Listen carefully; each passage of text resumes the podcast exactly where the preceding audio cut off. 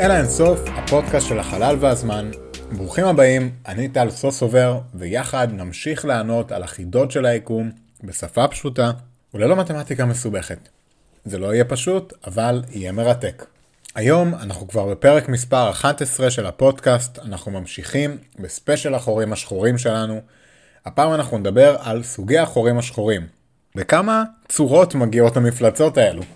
בפרקים הקודמים התחלנו מלדבר על כך שחורים שחורים הם אובייקטים שקיימים במציאות, ושליפול לת... לתוך אחד מהם לא יהיה נעים במיוחד. דיברנו על כך שכל אובייקט יכול, תאורטית, להפוך לחור שחור אם נכווץ אותו לגודל קטן מרדיוס מסוים הנקרא רדיוס שוורצ'ילד.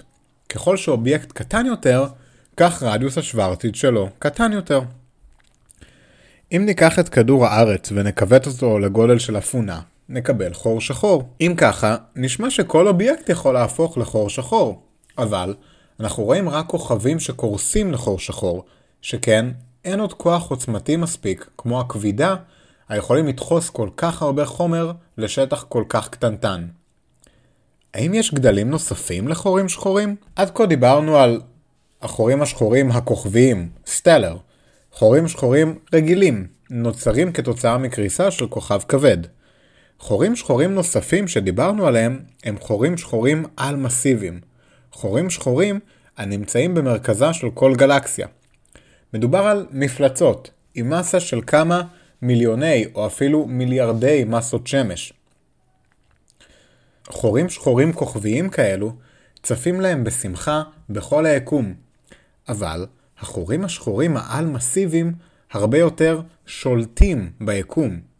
החורים השחורים הענקיים האלו מגיעים ממקור מסתורי כלשהו, וקיים דיון בשאלה מאיפה נוצרו הענקים האלו.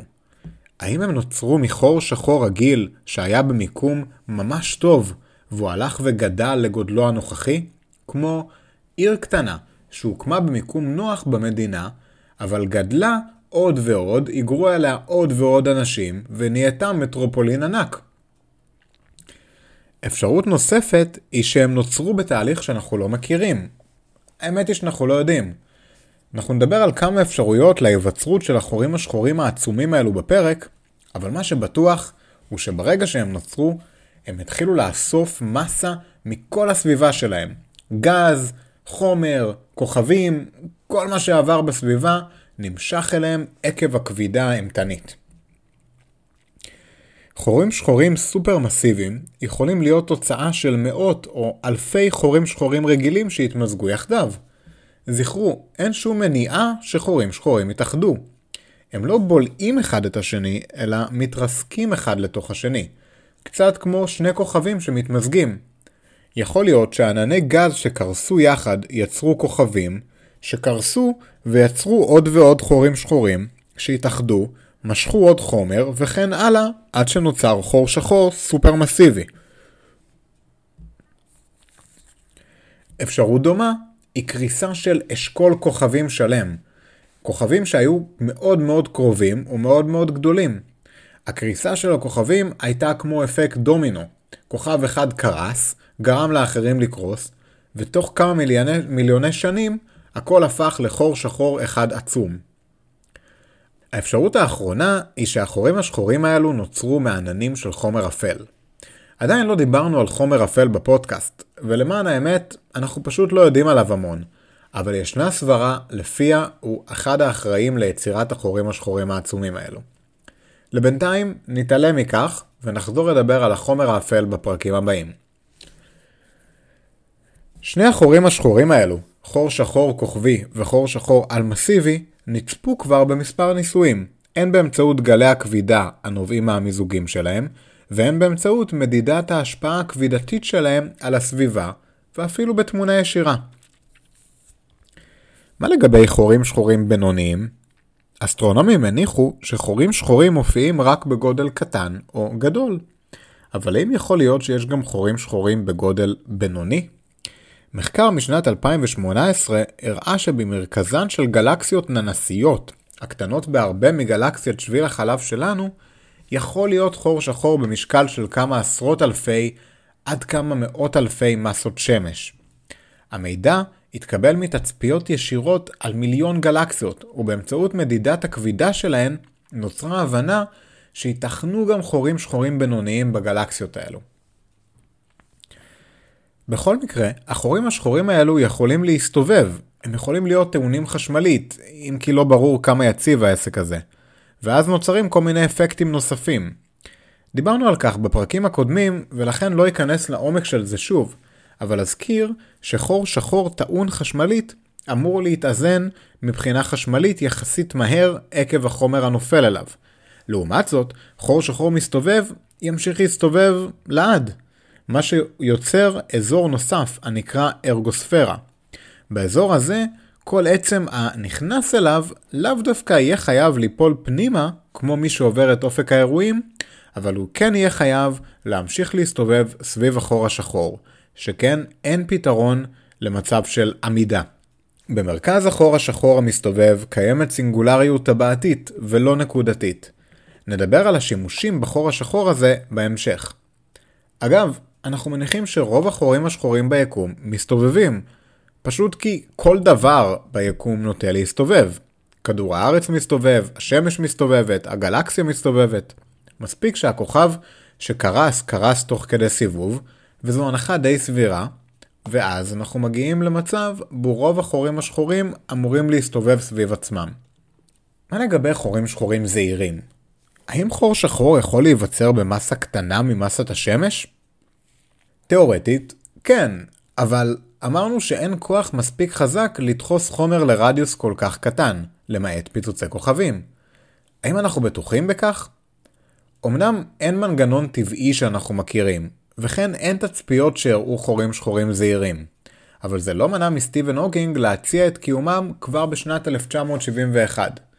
זה אפשרי שחורים שחורים קדמוניים מזעריים נוצרו ממש בראשית היקום. ממש סמוך למפץ הגדול. היקום היה אז בעל מסה וצפיפות רבה, דומה לגרעין של כוכב. הרעיון הוא שחורים שחורים קדמוניים זעירים יכלו להיווצר ביקום מוקדם מאוד, פחות משנייה לאחר המפץ הגדול. העידן הזה נקרא עידן הקרינה. המרכיב החיוני להיווצרות חור שחור קדמוני היא תנודה בצפיפות היקום שגרמה לקריסה כבידתית. ייתכן שהחורים השחורים האלו יכולים להסביר את חידת החומר האפל של היקום, לה נקדיש פרק אחד נפרד כאמור, אולי אפילו יותר מפרק אחד. ייתכן שהם הופיעו ונעלמו, או שהם נדחקו הרבה מעבר לטווח היקום הנראה.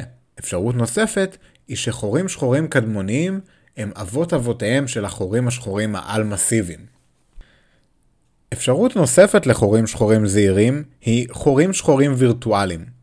אלו החורים השחורים אולי המוזרים ביותר, המופיעים כתוצאה מביעבוע במרחב הזמן עצמו.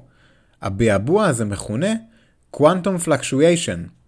החורים השחורים האלו הם בעלי מסה זעירה וגודל זעיר, והם חיים פרק זמן מזערי. ייתכן והם מופיעים ונעלמים מהקיום כל הזמן סביבנו ובתוכנו בגדלים הקטנים ביותר, ואין לנו שום דרך לראות או לגלות אותם.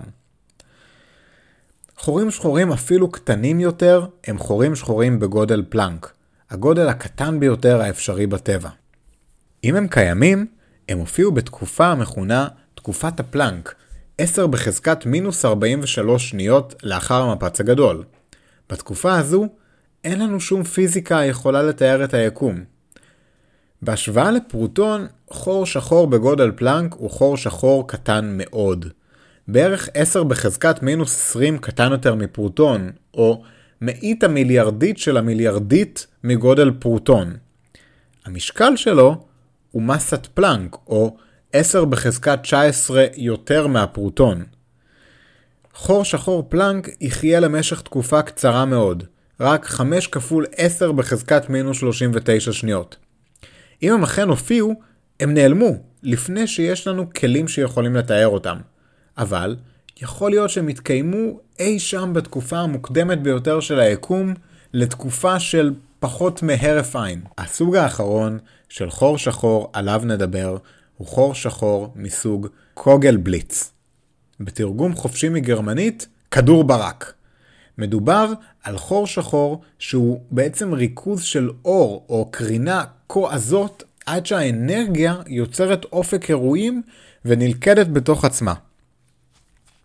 על פי תורת היחסות ועיקרון שקילות מסה ואנרגיה, המוכר לכולם כ-E שווה MC סקוואר, אם מספיק קרינה מכוונת לאזור מסוים, ריכוז האנרגיה מעקם את המרחב והזמן מספיק כך שאותו ריכוז הופך לחור שחור. למרות שבמקרה הזה, מסת האנרגיה של החור השחור תהיה בצורת אנרגיה, ולא בצורת מסה רגילה. במילים שלנו, חור שחור מסוג קוגלבליץ הוא חור שחור הנוצר מריכוז של קרינה, ולא מריכוז של חומר. על פי תורת היחסות של איינשטיין, לאחר שנוצר אופק אירועים, סוג האנרגיה שיצרה אותו כבר איננה משנה. הוא מתנהג כמו חור שחור רגיל.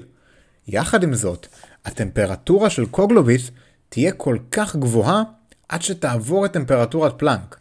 הטמפרטורה של היקום בזמן פלנק לאחר המפץ הגדול. כרגע נשמע שהטמפרטורה כל כך גבוהה היא בלתי אפשרית. ההתייחסות הידועה ביותר לרעיון הקוגלבליץ היא המאמר ג'ינוס מאת ג'ון ווילר בשנת 55. במאמר בחן ווילר את הרעיון של יצירת חורים שחורים כאלו, או דגם של חלקיקים של חורים שחורים כאלו, מהקמומיות מרחב הזמן הנגרמת כתוצאה מאנרגיה ולא מחומר. כאמור, רק תאורטי. אוקיי, אז לאחר שירדנו לגלים הקט... לגדלים הקטנים ביותר הקיימים, בואו נגדיל טיפה את הסקאלה. מה יקרה אם יהיה לנו חור שחור בגודל של ענב או תות שדה כאן על פני כדור הארץ? כאן, לידינו בחדר, חור שחור קטן לשימוש עצמי. תשובה קצרה, אנחנו נמות. בואו נשקול שתי אפשרויות. האם מדובר על חור שחור במשקל של ענב או בגודל של ענב? אם מדובר על חור שחור בגודל של ענב, הרי שהוא יהיה פחות או יותר במשקל כדור הארץ כולו. בדרך כלשהי דחסנו את כל כדור הארץ לגודל של ענב. כוח המשיכה של החור השחור הזה יהיה כל כך חזק עד שהוא יגרום לנו להתרסק אליו, מיד, איך שהוא נוצר. בפחות משנייה, ובהנחה שהענב חור שחור הזה מונח מולנו, הוא יקרע מאיתנו את האור שלנו, השרירים שלנו, העצמות ולבסוף כל האיברים הפנימיים. זה לא נורא, כי זה יקרה כל כך מהר, יותר מהר מהזמן בו לוקח לאות עצבי להגיע למוח שלנו. אז לפחות זה מוות ללא כאב. אפילו לא נשים לב שקרה משהו. רגע אחד אנחנו פה, ופוף! רגע אחד אנחנו כבר בתוך החור השחור. החור השחור הזה מתנהג בצורה מוזרה מאוד. זכרו, כבידה פועלת ממרכז המסה של כל אובייקט. הטווח שלה הוא אינסופי. אבל היא נחלשת בריבוע עם המרחק. לכן, אנחנו עומדים על כדור הארץ ולא מרגישים שהראש שלנו נמשך לכיוון המרכז של כדור הארץ בכוח חלש יותר מהרגליים. אבל, זה כמובן מה שקורה.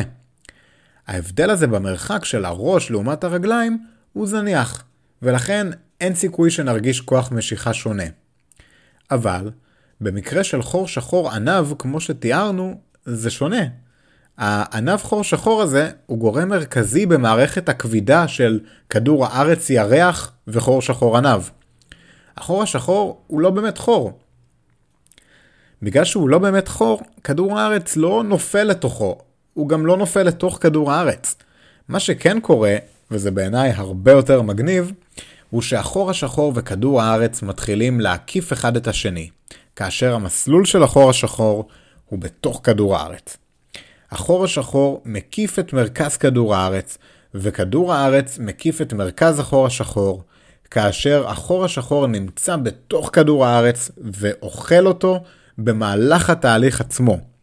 החור השחור צובר גודל ונהיה עוד ועוד מסיבי, ולבסוף כדור הארץ קורס לדיסקה של חומר רותח המקיפה את החור השחור. זה הסוף של כדור הארץ. המסלול של הירח בינתיים נהיה מאוד מאוד אליפטי, ויש סיכוי מסוים שגם הוא יצטרף לחגיגה. ההשפעה על מערכת השמש גורמת להמון סלעים להגיע לכיוון כדור הארץ. להגיע לכיוון כדור הארץ חור שחור ענב שלנו, אבל את האמת היא שזה לא כזה משנה למערכת השמש ברמה הכללית. החור השחור הזה, עם המסה של פעמיים כדור הארץ, ממשיך להקיף את השמש וקצת משבש את המסלול של יתר כוכבי הלכת, בעיקר הקרובים אלינו, כמו נוגה ומאדים, אבל לא הרבה מעבר לכך. אוקיי, בואו נדבר כעת על חור שחור במשקל של ענב, בערך חמישה או עשרה גרם. החור השחור הזה יהיה ברדיוס של 10 בחזקת מינוס 30 סנטימטר, שזה בערך פי כמה מיליארדים קטן יותר מאטום. לא משנה איך הגענו לזה, אבל שימו לב שהחור השחור שלנו ביחס לאטום הוא קטן בערך כמו שהאטום קטן ביחס לשמש. ממש קטן. החור השחור הזה יחיה ממש מעט זמן. זכרו, ככל שחור שחור קטן יותר, כך הוא קורן מהר יותר באמצעות קרינת הוקינג. זוהי קרינה חלשה מאוד בעבור החורים השחורים הגדולים, אבל בעבור חור שחור כל כך קטן, תוך פרק זמן שאפשר בשמחה לגמרי לכנות אותו מיד, הוא ממיר את כל חמישה הגרמים של הענב לאנרגיה טהורה. כמה נזק תעשה המרה של חמישה גרם של חומר לאנרגיה טהורה? פחות או יותר פי 6 יותר מפצצת האטום שהוטלה על הירושימה. פי 6. הענב חור שחור שלנו ישמיד את כל גוש דן, ואולי אפילו טיפה יותר, וזה סתם כי עשינו לנו ניסוי כיפי. לא מדהים, אבל זה המדע. אוקיי, אני מקווה ששכנעתי אתכם שמשחק עם חורים שחורים בבית הוא לא רעיון טוב. לא מומלץ לפחות. עכשיו, בואו נעשה זום אאוט לגדלים הגדולים ביותר ביקום. דיברנו על כך שחורים שחורים הם אלמנטים עם כוח כבידה מסיבי. החור השחור לא אמור לפלוט אור, אבל כאשר נופל עליו חומר, הוא משחרר המון אנרגיה. כאשר מסתכלים לאינסוף היקום, לגלקסיות הרחוקות ביותר שאפשר לראות, רואים משהו שקשה לתאר במילים. ניתן לראות גרם שמימי, בעל אנרגיה יוצא דופן, אחד הדברים הכי אנרגטיים ביקום. הדבר הזה נמצא במרכז גלקסיות הרחוקות מאוד משביל החלב שלנו. מדובר על גלקסיות צעירות יחסית. עכשיו זכרו, האור נע במהירות סופית, מהירה אבל סופית. הוא מגיע אלינו אחרי מסע של כמה מיליארדי שנות אור, והוא נפלט מהגלקסיות האלה לפני כמה מיליארדי שנים. כלומר, מדובר על גלקסיות שאנחנו רואים אותם כפי שהם נראו זמן קצר, או כמה מיליארדי שנים, אחרי המפץ הגדול. העצמים הבוהקים המטורפים האלו פולטים כל כך הרבה קרינה, והם נקראים קווזרים, שזה קיצור ל-Quasi-Stellar Objects. ההשערה המקובלת היא שקווזרים נמצאים בליבה של גלקסיה צעירה, שבמרכזה חור שחור גדול במיוחד, מסה של מיליארדי שמשות, להבדיל מחור שחור בליבת רוב הגלקסיות, כמו שלנו, שגודלו כמה עשרות מיליוני שמשות. ממש פטפון. הסברה המקובלת במדע היא שסביב החור השחור יש מסה גדולה של כוכבי ענק, גז, אבק וכל מיני חומרים אחרים שמצאו את דרכם, בטעות, לשכונה המסוכנת הזו של החור השחור העצום. המסה העצומה שלהם נדחסת ומצטופפת בנפילה לתוך החור השחור המסיבי. הטמפרטורה עולה ונפלטת המון קרינה בכמויות גדולות במיוחד. מאחר שלאחר פרק זמן שאורכו לכל היותר מיליארד שנה, כמעט כל המסה הצפופה כבר נבלעה בחור השחור, רמת הקרינה יורדת מאוד. מדובר בתהליך שראשיתו בקוואזר, שרמת הקרינה שלו הולכת ופוחתת באורח מתון, עד לגלקסיה עם ליבה פעילה, ובהמשך מגיע לרמת קרינה של גלקסיה מן השורה, שקטה ורגועה יחסית.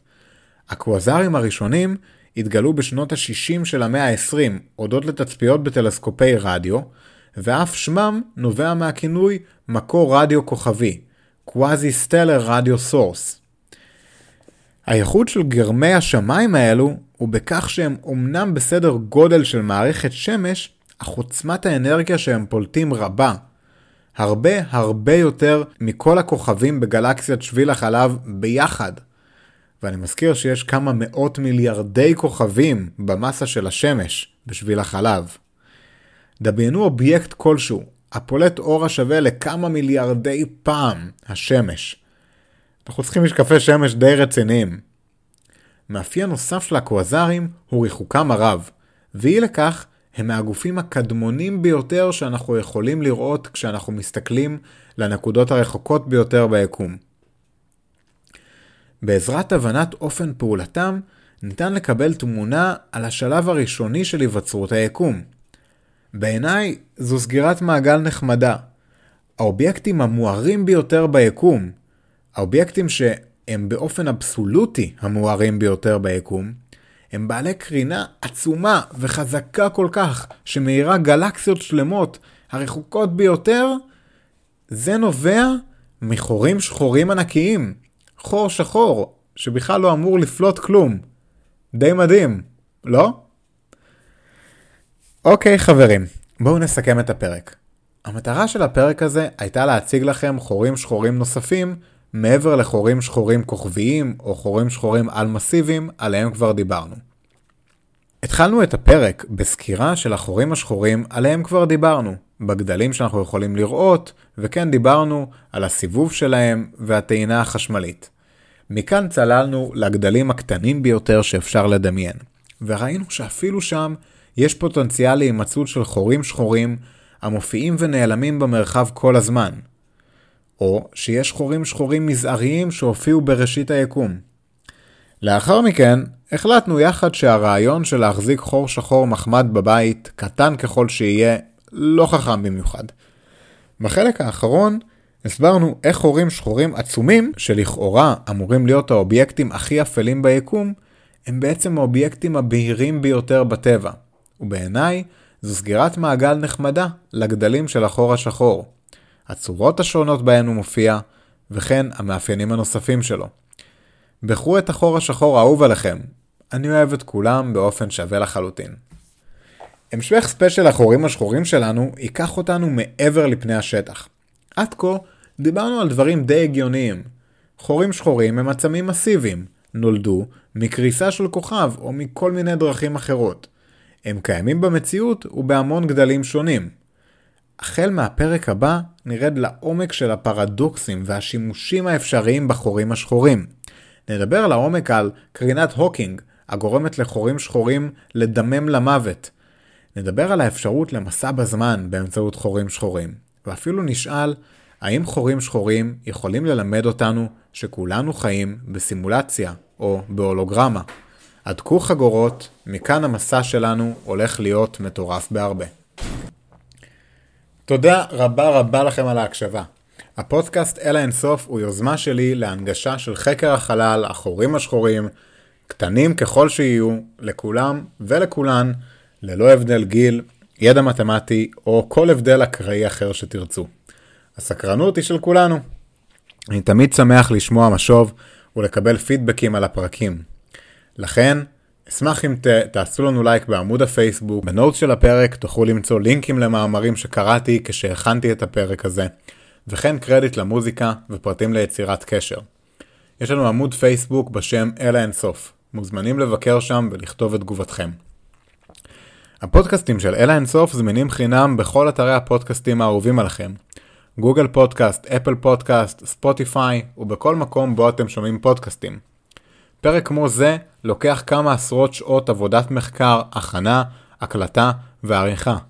הפודקאסטים של אל האינסוף מוגשים לכם בחינם ומתוך מטרה אישית שלי להביא את חקר היקום והחורים השחורים לכולם. אם אהבתם את הפרק, בבקשה שתפו אותו עם החברים שלכם, עם החברות שלכם, עם המשפחה שלכם, עם הילדים שלכם, עם מי שתרצו, כמה שיותר, ועד הפעם הבאה, ותודה רבה לכם על ההקשבה. שלכם, טל.